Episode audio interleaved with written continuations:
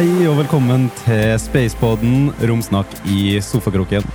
Podkasten er laget av oss i studentorganisasjonen Space NTNU. Vi tar opp eh, små og store ting som kan knytte oss opp mot verdensrommet for å gjøre dem lett og interessante å høre på. Mitt navn er Erlend Samlås, og jeg er host for podkasten. Og med meg i studio har jeg jo selvfølgelig CMO Alexi Gusev. Hallo, hallo. Og så har vi jo med romkonsulent Jarle Steinberg. Hallo.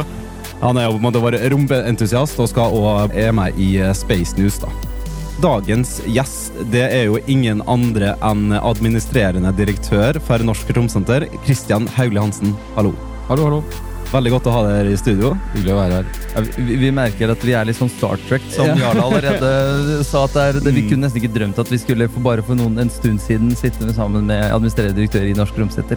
Så det her ble absolutt uh, spennende. Og Norsk Romsenter det ble jo etablert i 1987, og det er en norsk statlig etat under Nærings- og fiskeridepartementet. Og I dagens episode skal vi handle da om Norsk Romsenter sin rolle, og hvordan den norske stat, næringslivet og de euro europeiske etater jobber i lag om romfart, og hvorfor nettopp det er viktig.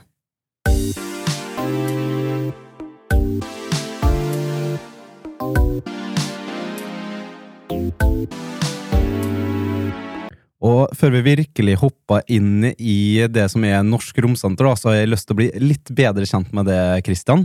Eh, og jeg tenker Vi kan jo egentlig starte med hvordan du havna i den stillinga som du er i akkurat nå. Jeg har jo mange år i industrien. Eh, jobbet eh, fra sen 80-tall med stort sett innenfor aerospace. Så jeg har jobbet med mange stilige utviklingsprosjekter, jobbet som utviklingsingeniør, og jobbet mye med forretningsutvikling og sånn.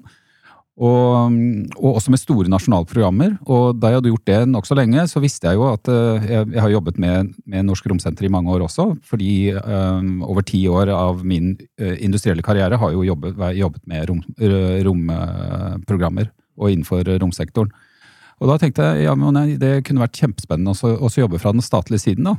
For det har jeg erfaring med fra, fra andre store programmer, og da tenkte jeg jeg kan være en god kandidat, og så fikk jeg heldigvis jobben. Men var det på en måte, var det noe du drømte litt om? Liksom det å jobbe mot verdensrommet, jobbe med noe sånt? Eller er det, var det litt, litt sånn tilfeldig det at det var verdensrommet? Nei, egentlig ikke tilfeldig i det hele tatt. For dere må huske, for jeg er så, jeg er så gammel sånn at jeg, jeg vokste opp med, med Gemini og Apollo-programmet. Sånn at helt fra jeg var guttunge, så, så har jeg vært interessert i det som har med romfart å gjøre. Og jeg ble tidlig opptatt av astronomi, eh, sånn at eh, jeg kjøpte et eget teleskop eh, for penger jeg hadde tjent selv, og begynte å kikke på stjernene og sånt. Sånn at denne grunnleggende interessen for fysikk og hva som skjer ute i verdensrommet og sånn, den har jeg hatt med hele veien. Så du har liksom alltid hatt et mål innenfor deg? For du, vi gikk jo inn med det her i lag da, i stad. Og vi er jo nå på Gløshaugen her på NTNU, og du sa at du hadde studert her sjøl. Hva var det du studerte igjen, sa du? Jeg studerte fysikk, eh, og, og syntes jo det var utrolig morsomt, for det, var en naturlig kan si, følge av, av de interessene jeg har hatt hele ungdomstiden og oppveksten. Eh, og så jobbet jeg noen år, og så, og så var jeg i USA et par år og studerte mer fysikk innenfor laser og spektroskopi og sånn. Og, og, så jeg, jeg har hatt, hatt alltid et veldig nært forhold til hva fysikk egentlig er, da, og hvordan det kan anvendes. Og fysikk det er jo nesten verdensrom eh, på veldig veldig mange måter, for så vidt. Så. Ja, det, ja, det er iallfall et vesentlig, vesentlig element av det å prøve å forstå hva som skjer. da. Sånn at det er en litt sånn nære barnslig undring over hva som skjer, ikke sant? Og, Ja. og det slutter jo aldri. Ja. Men det merker jo vi også, tror jeg, når, vi, eh, når man har hatt det på videregående og sånt, det er når man først begynner med det, i hvert fall det enkle, så begynner man å tenke shit, det er så sykt spennende, og man vil lære mer og mer og mer av det. Men uh, man merker liksom sånn, da må man virkelig sette seg inn i det. Altså det det syns jeg gjør, og syns det var veldig spennende med fysikk. jo liksom at det, det er sånn det er, på en måte, og så ler du mer, og så forstår du mer om hvordan verden fungerer. Men eh, jeg må jo innrømme at til dypere du går inn i temaet, til vanskeligere er det å henge med. da, og liksom Det begynner å slutte å gi mening igjen, på en måte. Ja, altså, Sånn var det for meg, òg, for jeg var liksom ikke den smarteste i, i klassen, men jeg syns at det var veldig spennende. Og, og jeg ble etter hvert eh, opptatt av dette med anvendt fysikk. ikke sant? Altså Hvordan ser man fysikken i hverdagen, og hvordan kan man bruke den? Og sånn, og det har vært veldig nyttig i den jobben jeg har hatt som ingeniør og jobbet med romprogrammer. Ingen tvil om det. Bruker du noe av det i jobben din i dag? Ja, for så vidt. Eh, altså, jeg jobber jo ikke aktivt med fysikk også, men det er, jo, det er jo ingen tvil om at jeg kan bruke det for å sette meg inn i veldig mange eh, forskjellige problemstillinger. Men, men så skal det sies at på Romsenteret eh, vi har jo et, et bredt sammensatt kan si, kollegium. da. Alt fra folk som er solfysikere, og til folk som har utdanning innenfor statsvitenskap. Sånn at mm. Det er noe av det som er veldig spennende med det vi driver med. Det er at vi, vi jobber utrolig bredt.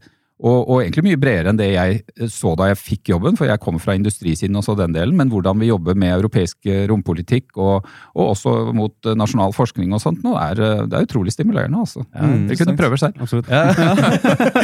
kanskje, kanskje, alle vi også. Mm. Men hva er det egentlig man gjør som direktør av Norsk Romsenter? Hva er en vanlig dag på jobben?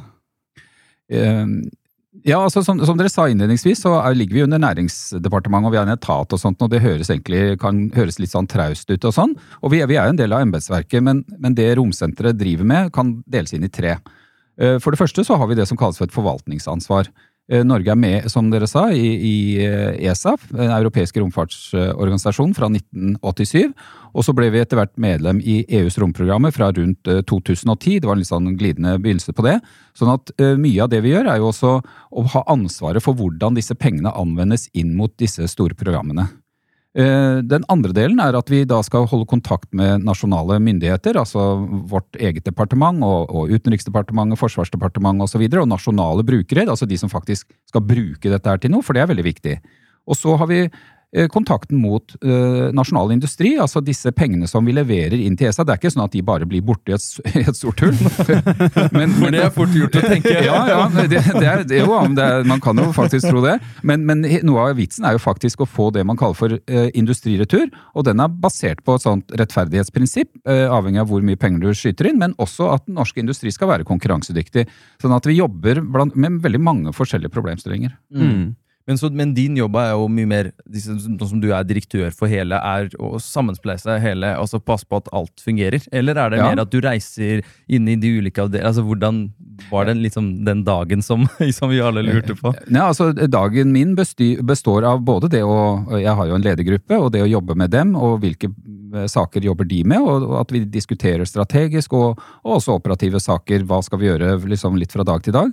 Men, men, min viktigste oppgave er nok utadrettet. ikke sant? Det at jeg sitter som Norges øverste representant i det som heter ESAs råd, eller ESA Council, og det er der man til syvende og sist tar beslutning om hvordan disse pengene skal anvendes. Så jeg har mye internasjonal kontakt, og, og en del sånn politisk kontakt også. Det gjør jobben spennende. Så det blir en del reiser til Europa? Ja. På, ja det er Paris og Brussel og rundt omkring. Og, det er nesten der du bor, det. det. Av og til så kan det føles sånn. Ja, ikke sant.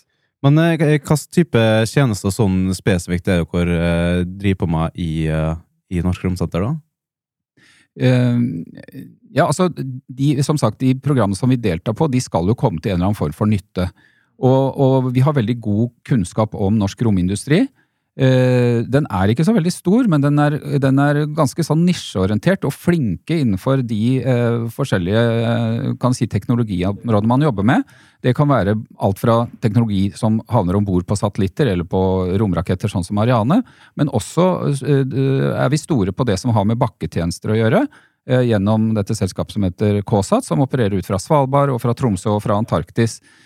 Sånn at Eh, en del av oppgaven vår er jo rett og slett å kjenne til hva er det de er gode på, og hva er det som er deres uh, interesser. Mm. Så det her er jo litt som Vi snakket med, vi har jo hatt Ole Dokka her på en episode tidligere, ja. og han snakket jo mye om det med både New Space og litt sånt, og rette, altså legge til rette for det med, med det nye. Eh, så det dere gjør hovedsakelig, er på en måte dere gir muligheten for de selskapene, eh, eller tilrettelegger da, i Norge som KSAT kan gjøre en bedre jobb. Eh. Ja, men det går, går lenger enn det. Det betyr at vi i, i mange av de som er ansatte i Norsk Romsenter, de er såkalte delegater. Det betyr at de sitter i de forskjellige programkomiteene, som dette er jo veldig sånn hierarkisk og formelt og sånn, men, men, der har man anledning til å påvirke hvordan Norge skal delta. For til syvende og sist, det jeg måles på, ikke sant, sjefen min er jo sånn sett næringsministeren, så, så er det jo Uh, det er et par, par lag imellom. Mm. men, men, men formelt sett, jo, men politisk så, så rapporterer vi da til, til næringsministeren så, så, er det jo det å si hvorfor bruker vi disse pengene på romvirksomhet, og hva får vi igjen for det? For uh, Det er snakk om hva industrien får ut av kontrakter, men det er også hvilke nasjonale tjenester som man kan få ut av disse programmene. Og, og det er eh, Altså I gamle dager så var det det å skyte opp eh, satellitter og sånn, det var veldig stas, for det er veldig krevende, og det er det fortsatt, selv om man har New Space. Men samtidig så, så blir det da stadig større krav om at man skal ha en fornuftig bruk av disse pengene. For vi konkurrerer altså med penger som kunne gått til barnehage eller sykehus eller opplæring og sånn, og det er det vi gjør, og prøver å overbevise meg at dette er smart å være med på. Men Er det da industrien da som kommer med dere om et behov, og så går dere på en måte igjen til staten, eller hvordan fungerer den?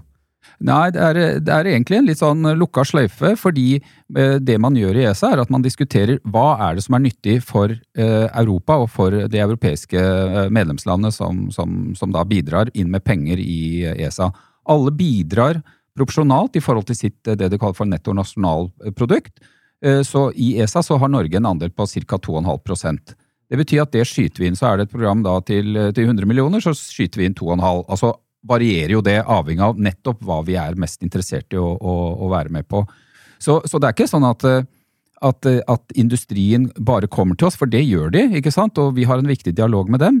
Men samtidig så må vi jo vi gå inn i programmene og si hvilke sjanser har industrien faktisk til å lykkes med disse kontraktene, slik at vi får den industrireturen vi skal ha. Så dette er forhandlinger hvor, hvor vi spiller inn våre meninger, og så, så, så har vi kanskje noen Eh, allianser, og vi diskuterer ting med andre land og sånn, for å se hva er det mest sannsynlig at vi bør være med på. Men i forhold til ESA, eller hadde du spørsmålet? Kjør på. Hva er det dere driver for og handler om nå for tiden? Er det den nye månestasjonen til ESA og NASA, eller har dere andre store prosjekter på gang? Eh, ja, det er e-, egentlig en del av det. Eh, dette er jo et sånt årshjul, ikke sant? Altså, ESA har, har en budsjettsyklus på tre år.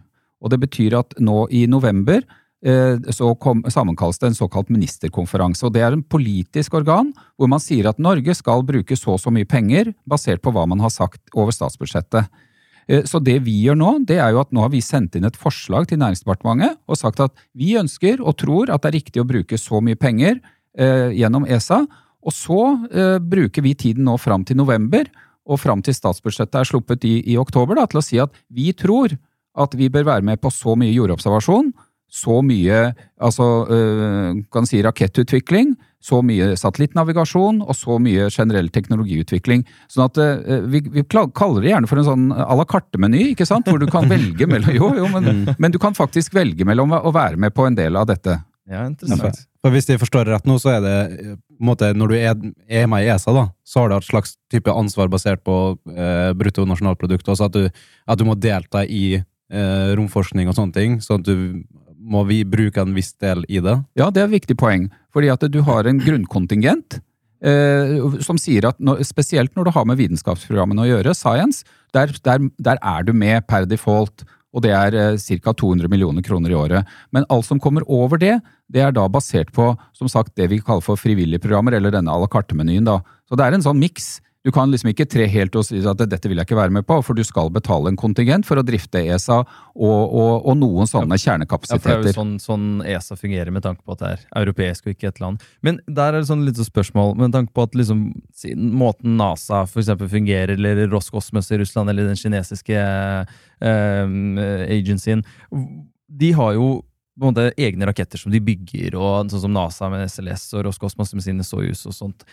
Det no, har det vært noe ønske i Norge om måte at Norsk Romsenter kommer til å ha egne raketter og egne liksom sånn romprogram, eller er det Ja? Ja, det, det er et godt spørsmål, og det, og det er viktig å se det litt sånn i sammenheng, fordi det man ser, du nevnte New Space i stad, og det er et veldig viktig poeng, fordi det aller meste av det Norge bruker av penger på romprogrammer, det går gjennom det vi kaller for institusjonelle programmer, ESA, EU. Men, men fordi man får eh, billigere og mindre teknologi og sånn, så er det et vesentlig element å utvikle egne nasjonale kapasiteter. Norge har hatt eh, mikrosatellitter i bane siden 2010. Altså AIS-sat 1 og 2 ble jo skutt opp da med et par års mellomrom, og vi har nå fem satellitter i bane. Og så er det en av de som, som har sluttet å virke og sånn, men vi har en forpliktelse til å stadig fornye det.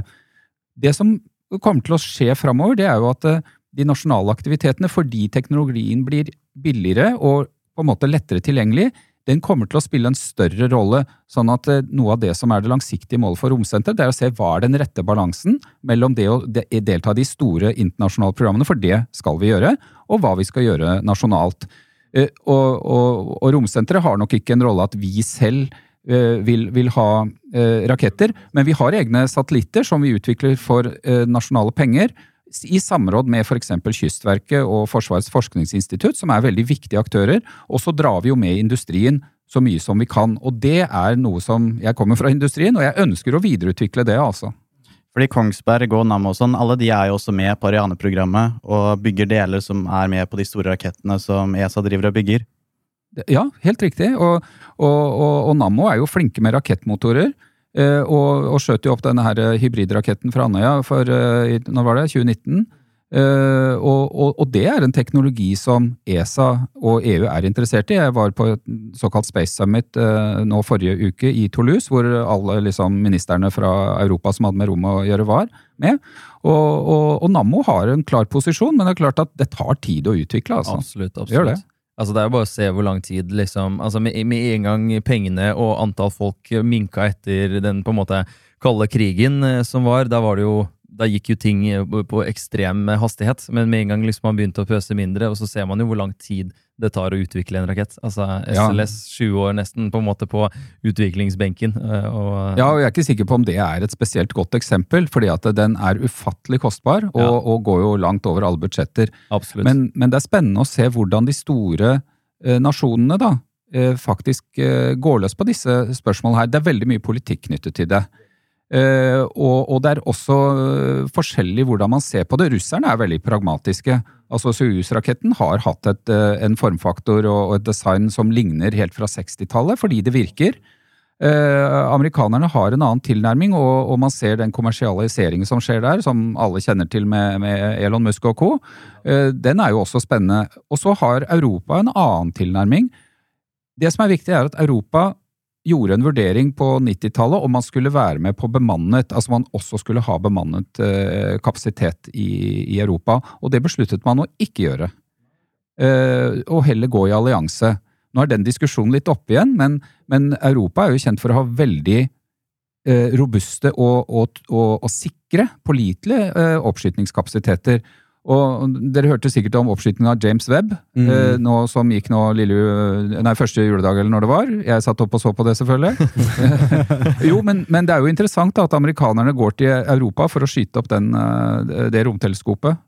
Det var vet også hva et det veldig fint um, Nei, du kan godt uh, si. Vi, Ja, altså ikke tale. 100 milliarder kroner er en pen sum for et uh, romteleskop. Riktig. Ja. riktig. Ja, interessant. Men eh, jeg sitter og tenker på noe, altså Norge er jo egentlig et veldig lite land befolkningsmessig. og Hvis du tenker på europasammenheng, altså hvordan er vi posisjonert i forhold til antall mengde folk vi er? Eh, eh, ikke så verst. Hvis du ser i total pengebruk blant de 22 medlemslandene, så ligger vi på en sånn niende-tiendeplass. Eh, Du har jo de store landene, altså eh, Sp- Spania, Italia, eh, UK, Tyskland, Frankrike. De er kjempestore, og så kommer Belgia liksom som en sånn litt lillebror. Men vi er i samme klasse som, som Nederland og Sveits og Sverige og sånn, sånn at vi er, vi er i en relativt god posisjon, og per, per innbygger så bruker vi ikke så verst med, med penger. Mm. Men det er jo interessant, da. eh, Altså det at eh, altså, Så vi husker da Erna sammen med tidligere næringsminister eh, Iselin Nybø de skrev jo under det med innvilget mye penger, da, med 400 millioner, så vidt jeg husker, for bygging av, eller utbygging av Andøya Mm. Space der. Og det er ganske kult å tenke på at det satses mer og mer. Og det med tanke på Europa, som du nevner nå, tenker du at den posisjonen, den 9.10., blir større med tanke på når den blir bygget ut? Altså når Andøya blir større? Eh, Det kan skje, men eh, det er viktig å huske på at Andøya er ment å være, og skal være, en, en, i utgangspunktet en kommersiell operasjon. Sånn at de skal jo få inntekter og sånn, og ikke ha stadig tilførsel av, av statlige midler. Men, men at Jeg tror det er viktigere å, å spørre eh, vil anvendelsen av pengene endres framover. At vi kanskje jobber litt smartere med dem, og hvordan kan si, romnæring vil utvikle seg. Det er et veldig spennende spørsmål. Fordi som sagt, historisk så har vi jobbet veldig mye med å, å, å bygge utstyr til satellitter og til romraketter. Men en utvikling som er, er viktig i denne sammenhengen, det er dette med eh, digitalisering og anvendelse av, av romdata. Og der har vi et virkelig vekstmarked. Og det er det du kaller for nedstrøms. ikke sant? Altså Du mottar romdataene, og så ser du hvordan kan du drive smarte anvendelser av det. Mm. Og det, det som er utrolig inspirerende, det er at det, det kommer nå knoppskytinger altså rundt eh, NTNU, Sintef-miljø og andre steder, hvor man ser at bruk av kunstig intelligens eh, og, og, og smarte løsninger og sånn, eh, for å ta i bruk disse enorme mengdene f.eks. av jordobservasjonsdata og lage gode tjenester, det er et, eh, det er et vekstområde, altså. Det har vi jo flere. Vi har jo hatt med flere startups her i podkasten vår sjøl, eh, blant annet Vake, og de driver også med jordobservasjon. og Du ser jo bare det med Newspace, og at det er lettere tilgjengelig, og at du kan selge den informasjonen og bruke den, er jo fantastisk. Og Hypso som ble sendt opp for ikke så lenge siden. Ja. Mm. Så det er jo kult å tenke på at det er på en måte forskningsprosjekter og studenter til dels, og doktorgrad. Altså det, det er kult ass, det, at, det går, at det går den veien der, da. eh, Mer enn bare de store aktørene som har vært tidligere. da. Eh, Så det er Så, absolutt så vi, vi trenger å jobbe i begge retninger. Norge har et enormt enorm nytte av oss å jobbe med de store aktørene. Mm. Uh, altså Airbus og Thales og, og, og, og sånn. Fordi de er store og kan kjøre de store, tunge programmene, og OHB og sånn. Og de store eh, europeiske satellittene, altså de virkelig svære, altså Galileo og jordobservasjonssatellittene Sentinel som inngår i Copernicus, det kan ikke land som Norge eh, drive med alene. Men vi kan bidra, og det gjør vi. Hvordan ser dere for dere Norsk Romsenter sin posisjon i Newspace? Og da må vi også kanskje for nye seere eller lyttere snakke litt om hva Newspace er, eller på en måte din definisjon av det? Uh, ja, så det, det er jo en artig spørsmål, fordi uh, jeg er litt opptatt av, av nettopp hvordan man definerer det. Eh, noen beskriver det egentlig mer som en sånn markedsutvikling, f.eks. sånn at elektronikk utvikler seg, og fra å ha gamle sånne sveivetelefoner til at du har uh, iPhones, er jo en, en, en, kan du si, en kommersialisering av en viss type teknologi. Men Newspace, uh, mener jeg, da, er noe annet, og det er liksom hvordan ser man på, på hele uh, du, kan, du kan si det økonomiske komplekset i dette her, da. Hvordan kan man tjene penger på en annen måte eh, i, i, innenfor romvirksomhet framover? For det er sånn at det fram til, kan du si, eh, nokså nylig, med unntak av av, av TV, altså broadcasting og sånn som Telenor gjør, det, de har jo holdt på sånn eh, fra 70-tallet, dette med kommersiell kringkasting. Men hvis du ser på andre typer tjenester, så er det veldig mye sånn at det kommer penger fra NASA eller fra ESA eller fra store land, og så bygger de en eller annen sånn tjeneste. Og, og her kommer den brytninger inn med, med, med Newspace, hvor det er rene kommersielle selskaper som sier hei og hå. Nå, sånn som uh, ISA i Finland, som dere kanskje har hørt, som driver med radarsatellitter. Jeg har jo møtt han der, eh, sjefen der, han Rafael. Og, og, og det er utrolig innovative mennesker. Løpet, I løpet av fire år fra scratch så hadde de da utviklet og launchet sin første radarsatellitt. Det er ganske interessant å tenke på. Hvordan, hvordan er det man kommer på at nå skal man drive og faktisk uh, klare å tjene penger på Newspace? Også, altså det å Elon Musk liksom også har et ønske om å faktisk drive det her, eh, som en av de store aktørene der. Så, Ja, men, for det tenker jeg jo på det, det, Før var jo liksom de store nasjonene, og da var jo kanskje òg tanke på det med militærmakt og den type motivasjon. Ja, nå er liksom at nå er det, du kan drive virksomhet på en helt annen måte, og det er enklere og mer tilgjengelig for alle Ja, for sammen. det, jo, det, jo ikke mulig, det var jo ikke mulig å snakke om at det skulle være i det hele tatt lønnsomt på noen som helst måte. Eksempel Venera-programmet, eller de, de, når de skulle til Venus, altså Sovjet. Tre-fire eh, oppskytninger av samme nøyaktig helt like eh, satellitter, på en måte. For å, du antar at én kommer sikkert ikke ut av banen til jorda, den andre krasjer eh, inn i Venus, den tredje lander. Og det er, liksom, det er jo selvfølgelig ikke noe du tjener penger på. Så Nei, det, det er ikke noe du tjener poeng på. Men, men de hadde veldig forskjellig eh, tilnærming til det, og det Ja. hadde med også det politiske systemet å gjøre. Eh, USA var nok mye flinkere på den tiden til å lære av sine feil, mens, eh, mens eh, som du sier, altså gamle Sovjetunionen, de var sånn ok, vi lager fem, og så skyter vi om, og så er det sikkert en som virker. Av de tre. Ja, Ja, de fem, men, ja. men, men, men det er viktig å huske på at, at Sovjetunionen var de første som var forbi Mars, altså. Mm, mm. Men, de, men de, de krasjlandet, og de fløy forbi, og de kom ikke i bane og sånn, men de var tidlig ute. Absolutt. Den ene sonden som landet, landet på Mars, men sluttet å fungere etter tror jeg, ni sekunder. Ja, tror noe sånt ja, noe. sånt noe, ja. Men, mm. men, men tenk på det. Fra, fra 1957, altså fra Sputnik, og til man da eh, hadde eh, romsonder av gårde til Mars og Venus. Det tok bare noen få år. Det er ganske sjukt. Ja. Altså, hvor, hvor raskt det på en måte gikk før. Det Ja. liksom, jeg skjønner på en måte ikke hvordan det er mulig at de, de på så kort tid kom så fort i gang med alt det der. Og at liksom du hadde da Gagarin, du hadde like altså, det, det er ganske interessant, da. Ja. Og nå har du masse private programmer som også skyter opp egne astronauter og en helt enorm mengde satellitter som vi aldri har sett før. Og hvordan passer da Norsk Romsenter inn i denne nye Newspace-industrien som har dette private, på en måte minimalistiske fokuset? på det å tjene raske penger fort med mindre investeringer? Jeg, jeg tror det å tjene raske penger fort uh, i, i, i rom det, det, høres det er- veldig surrealistisk ut automatisk. ja, jeg, Jo da, men jeg, jeg, skjønner absolutt uh, hvor du vil. Um, det, er et, det er et vanskelig spørsmål, Uh, fordi det, det, det krever mer enn at man kommer med penger via ESA og at man snakker med industrien. Noe av det som diskuteres, du nevnte Elon Musk. En av fordelene hans, bortsett fra at han er en fantastisk ingeniør, det er det ingen tvil om, det er at han har veldig mye penger å backe opp eh, eh, innsatsen med, og han er ikke redd for å også svi av mye eh, penger. Så det som diskuteres mye nå, det er hvordan skal man finansiere disse initiativene med venturekapital, altså risikovillige investorer. Og, og det som er viktig da, det er at man ikke ser på romvirksomhet som noe sånn utrolig spesielt, men til syvende og sist så er det du har penger, og så ser du vil jeg sette dette i et risikofylt prosjekt og håpe å få en retur på, på investeringen, som man gjør på en hvilken som helst annen investering. Og der er du inne på dette, hva betyr da den nye romøkonomien? Hvordan regner du dette her hjem? Mm, mm. Men her, vi, vi hadde jo en, nå en stund siden Orbital Machines. jeg vet ikke om Du kanskje, du har sikkert hørt om de som lager den elektriske turbopumpen, eh, de norske. og Det som er litt interessant, da, de startet jo ved crowdfunding eh, her. og jeg husker Vi var jo på den, eh, den presentasjonen der. Og det var jo ganske raskt hvor, altså det var, det, hvor raskt på en måte det gikk å samle inn de pengene med norske investorer. Og, men hva tenker du sånn, de som investerer i sånt i Norge, da? Er det på grunn av at de har mer interesse for verdensrom, eller fordi de faktisk ser en eh, grunn Altså det er faktisk mulig å tjene penger? Eh, Jeg tror og håper at det er todelt. Det ene er at det, det faktisk er et potensial i at man kan tjene penger. Det andre er at det er litt sånn nytt og spennende.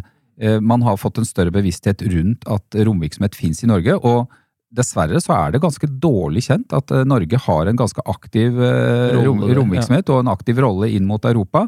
Det er noe, Hvis du spør hva min jobb er, så er det jo noe av det å prøve å markedsføre dette da, i forskjellige kanaler. og Der har vi jo liksom en plan for oss å, å, å, å gjøre det. da. Men eh, eh, ja, så, så hvis du ser dette i en litt sånn større sammenheng, så er det noe alle må vurdere. Hva, hva er egentlig risikoinnholdet i det vi prøver å putte penger i? Mm. For det er, jo det, det er jo veldig mye det samme som vi driver på, men vi, vi vil jo skape et miljø. Nå er det jo på en måte på studentnivå, men også generelt sett, også med det, blant annet podkasten her, da, som er på en måte viser faktisk folk at det er mye rominteresse. Og det ser vi jo òg, at det er betydelig større enn det man først antar eh, Ja. når man ser utenfra. Men når man begynner å faktisk dra på litt ulike steder, være med, snakke med folk, og så merker man jo at det er jo, det er jo ganske mye Ja, interesse jeg for romfart. det er mest fascinerende med podkasten, var derfor jeg starta den. For, det, for jeg personlig vil jo finne ut mer hva er det som foregår i Norge, og hva, ja, hva er det som skjer egentlig for tida innenfor romfart og sånn. Eh, og til flere podkaster vi har, til flere personer vi møter, så er det er så mye kult Ja, det er som eh, mye mer interesse enn man først antok. og at jeg ikke at det bare er, er liksom kult, men altså det er jobbmuligheter, og at du kan tjene penger her, og at det er liksom, det er realistisk. Det er ikke sånn at det er superumulig, og at det er bare de store gutta. Altså, du kan drive Nei, det er så mange startups rundt space som har dukket opp både, bare rundt NTNU, men også rundt hele Andøya. Både de begge rakettene som skal skytes opp fra ISAR og fra Osberg Rocket Factory, er spin-offs fra studentorganisasjoner. Som oss, som bare fant ut at nei, nå skal vi bygge dette, og nå skal vi sende det opp. Og så får man faktisk i dag fundingen og mulighetene til å gjøre det, og det er jo utrolig gøy. Ja. Eh, Du nevner ISAR Aerospace. eh, Veldig spennende selskap. Jeg har vært der. Og, og, og de Jeg kommer jo fra har jobbet mye med produksjon og med kompositter og, og sånn i, i industrien, og ser hvordan de har tatt fatt i dette her med 3D-printing. De 3D-printer jo brennkammer og, turbopumper og dyser og alt mulig rart. Og, og så er de veldig flinke interaktivt med andre spesialister på dette, er de som kan drive med, med um, karbonfiberproduksjon og sånn, for det er veldig krevende og krever store investeringer. Eh, Så, men det er veldig spennende da at de bruker potensialet.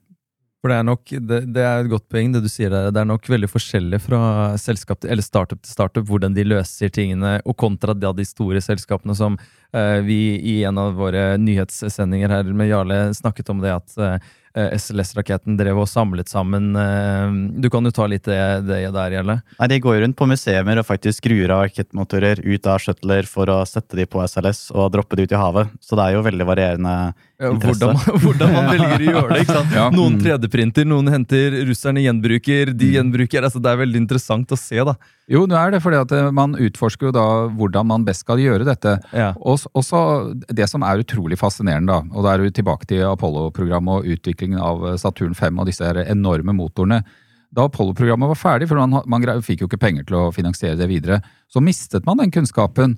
Og, og på den tiden så hadde jo ikke 3D CAD-modeller og, og digitale tvillinger og alt sånt noe, men du hadde rett og slett papiret, og, og, man brukte regnestav og sånn for å måle ut vibrasjonsspekter og hvordan dette skulle virke. Det var enormt mye prøv og feiling.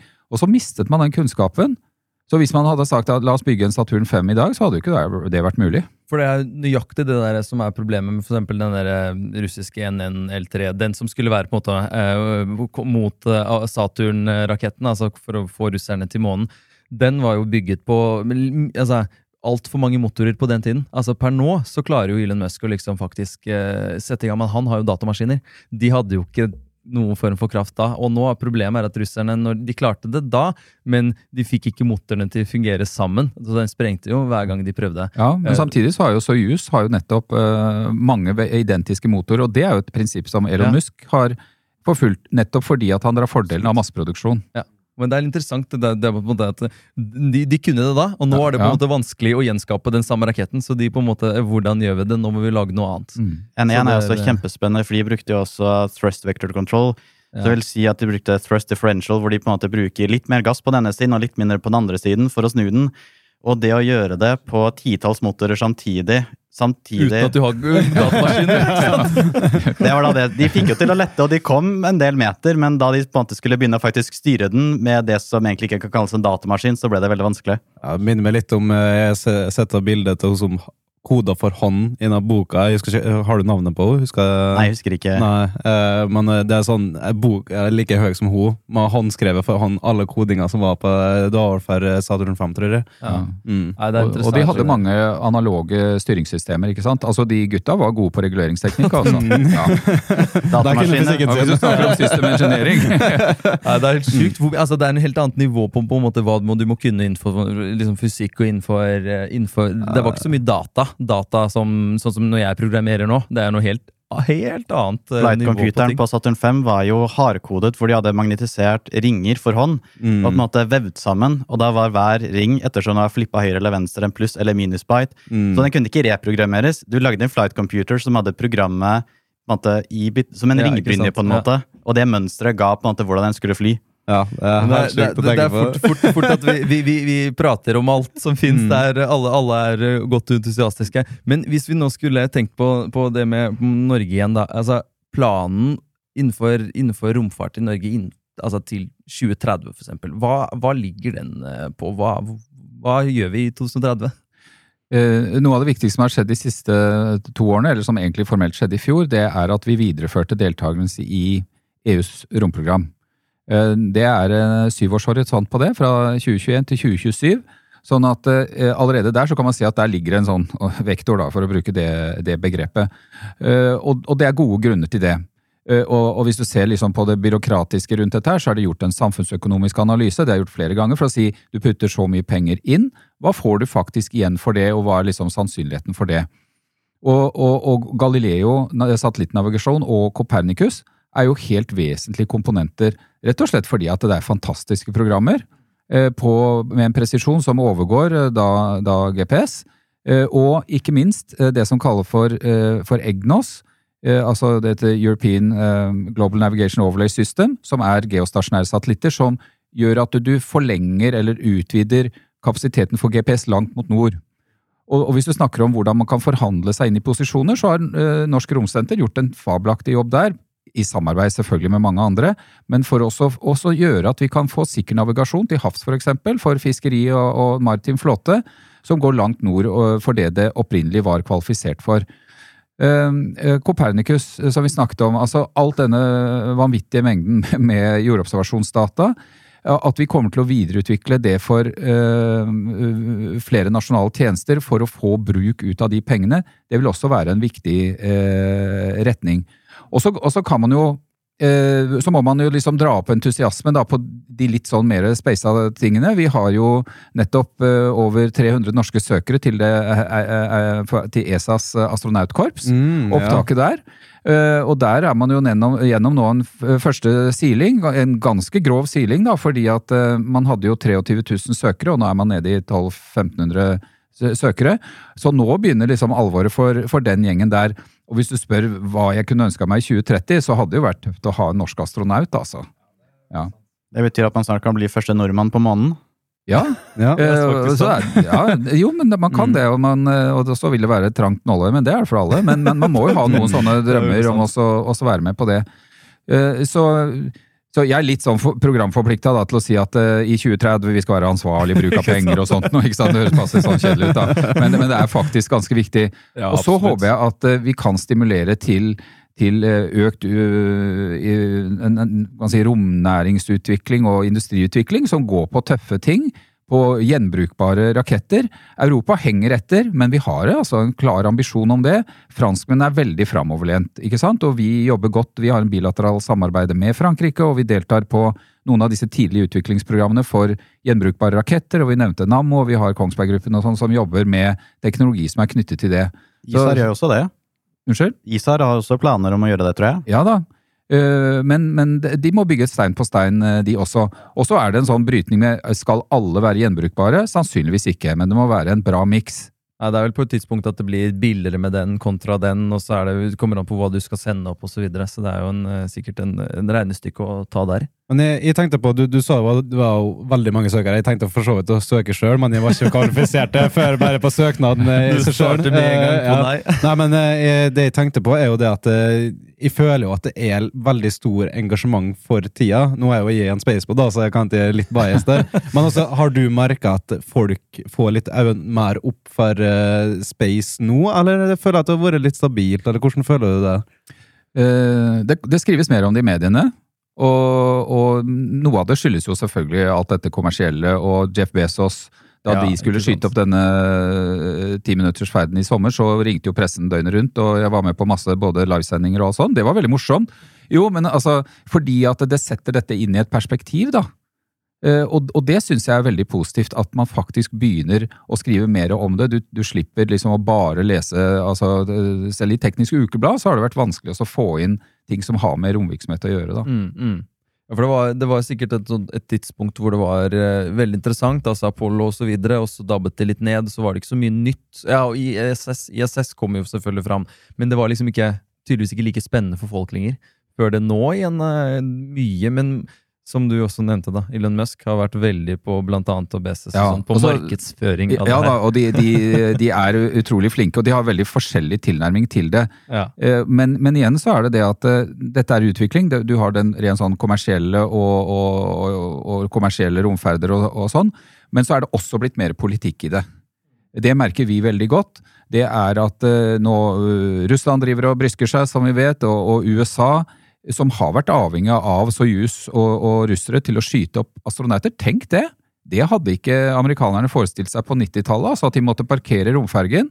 Eh, Sånn at de har jo vært litt i lomma, lomma på russerne, og nå, eh, takket være Musk, da, så har de jo fått til dette, og så jobber de da med, med SLS og sånn for å få til bemannet ferd.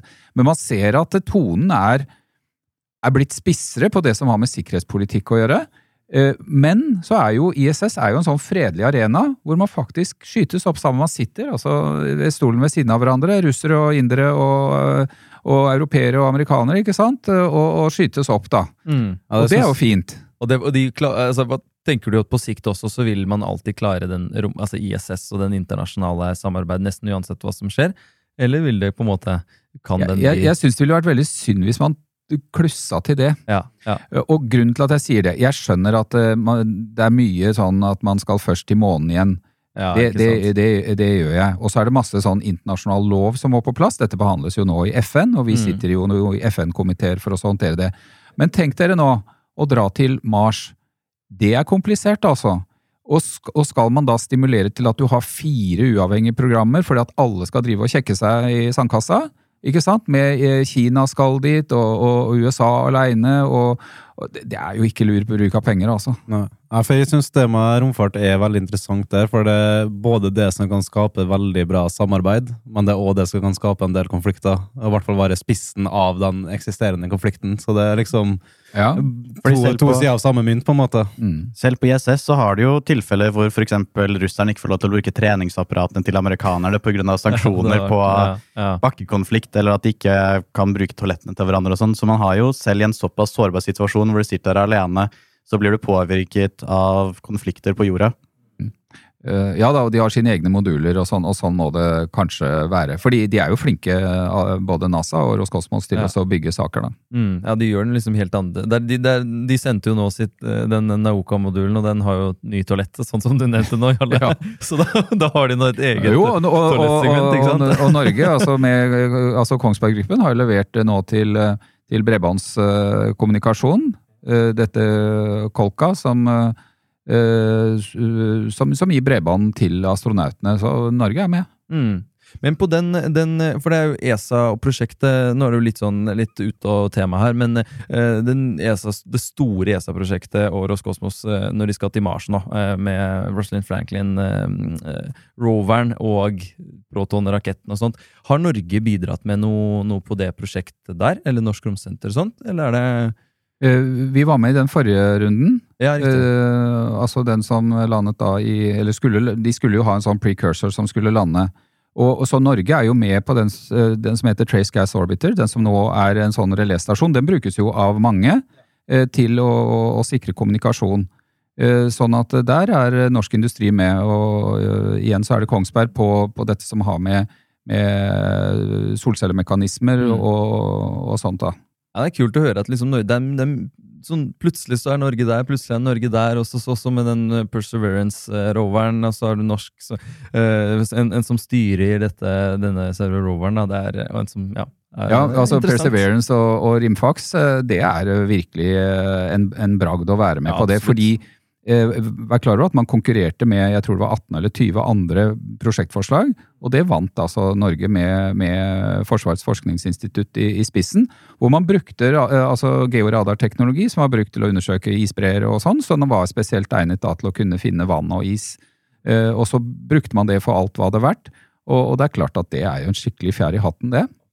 Nå så merker jeg at vi begynner å gå litt mot slutten, men jeg har lyst til å sende til det eh, et eh, siste spørsmål. og det er liksom eh, Hva ville du gjort annerledes eh, om du var i vår posisjon, at du er liksom nesten en ferdig utdanna student og har lyst til å kaste deg ut i det med verdensrom? Hva bør man gjøre? For nå som du sier, nå som vi har fått mange muligheter. Mm.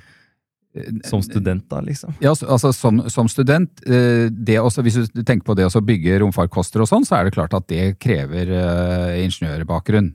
At eh, du har et forhold til det. Men, men, eh, men jeg tror godt at man kan, kan utvide det perspektivet fra liksom, en ren sånn nerdevirksomhet eh, til, til å omfatte også andre ting. Eh, fordi hvis du, hvis du ser eksempel på dette med bemannet romferd, da. og, og hvordan man skal utnytte ressurser på månen og videre utover, så er det klart at det krever mer enn bare ingeniørkunnskap. Det er masse psykologi knyttet til det. Det kan være altså, geologer, det kan være eh, altså, uh, jurister, for å rett og slett finne hvordan rent sånn regulatorisk skal du sette opp dette lovmessig. Kan man bare begynne å grave på månen? Er, er, kan man det? Ja, for det Nei, man kan jo egentlig ikke det. Uh, og, og, nei, man, fordi disse, disse romtraktatene som ble etablert på slutten av 60- og tidlig 70-tallet, de tok jo bare hensyn til nasjonalstaten. Da hadde du Sovjetunionen, og så hadde du USA. sånn at de tok jo ikke hensyn til at det dukket opp en kommersiell aktør som hadde lyst til å lande og så begynne å grave gull på månen. Eh, så, så, så svaret er ja, skal du være med å bygge romraketter og satellitter, så må du ha eh, en eller annen form for spesialkompetanse. Men i det litt sånn utvidet perspektivet, hvis du virkelig ser liksom 2050 og, og at du skal ha folk eh, mer sånn permanent i bane eller rundt omkring, så er det en rekke andre ting. Medisin i rommet, kjempeinteressant. Eh, Vi har jo nå paraastronauter, som, eh, som er noe av det man ser. Kan man dra nytte av det fordi at det er smarte mennesker som har et eller annet form for uh, Ja, så, så de kan også være med. Mm. Ja, men det, det tar vi absolutt med oss, og så tror jeg at vi rett og slett avslutter avslutter. Tusen takk, eh, Kristian Hauglie Hansen, for at du kom hit eh, i dag og representerte Norsk Romsenter. Veldig moro å være med. Tusen takk.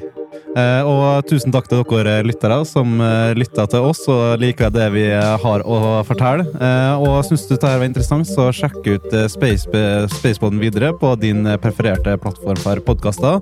Og vil du vite mer om oss i Space NTNU, så sjekk oss ut på eh, sosiale medier eller på nettsida vår ntnuspace.no. Det var det vi hadde for i dag. Takk for oss.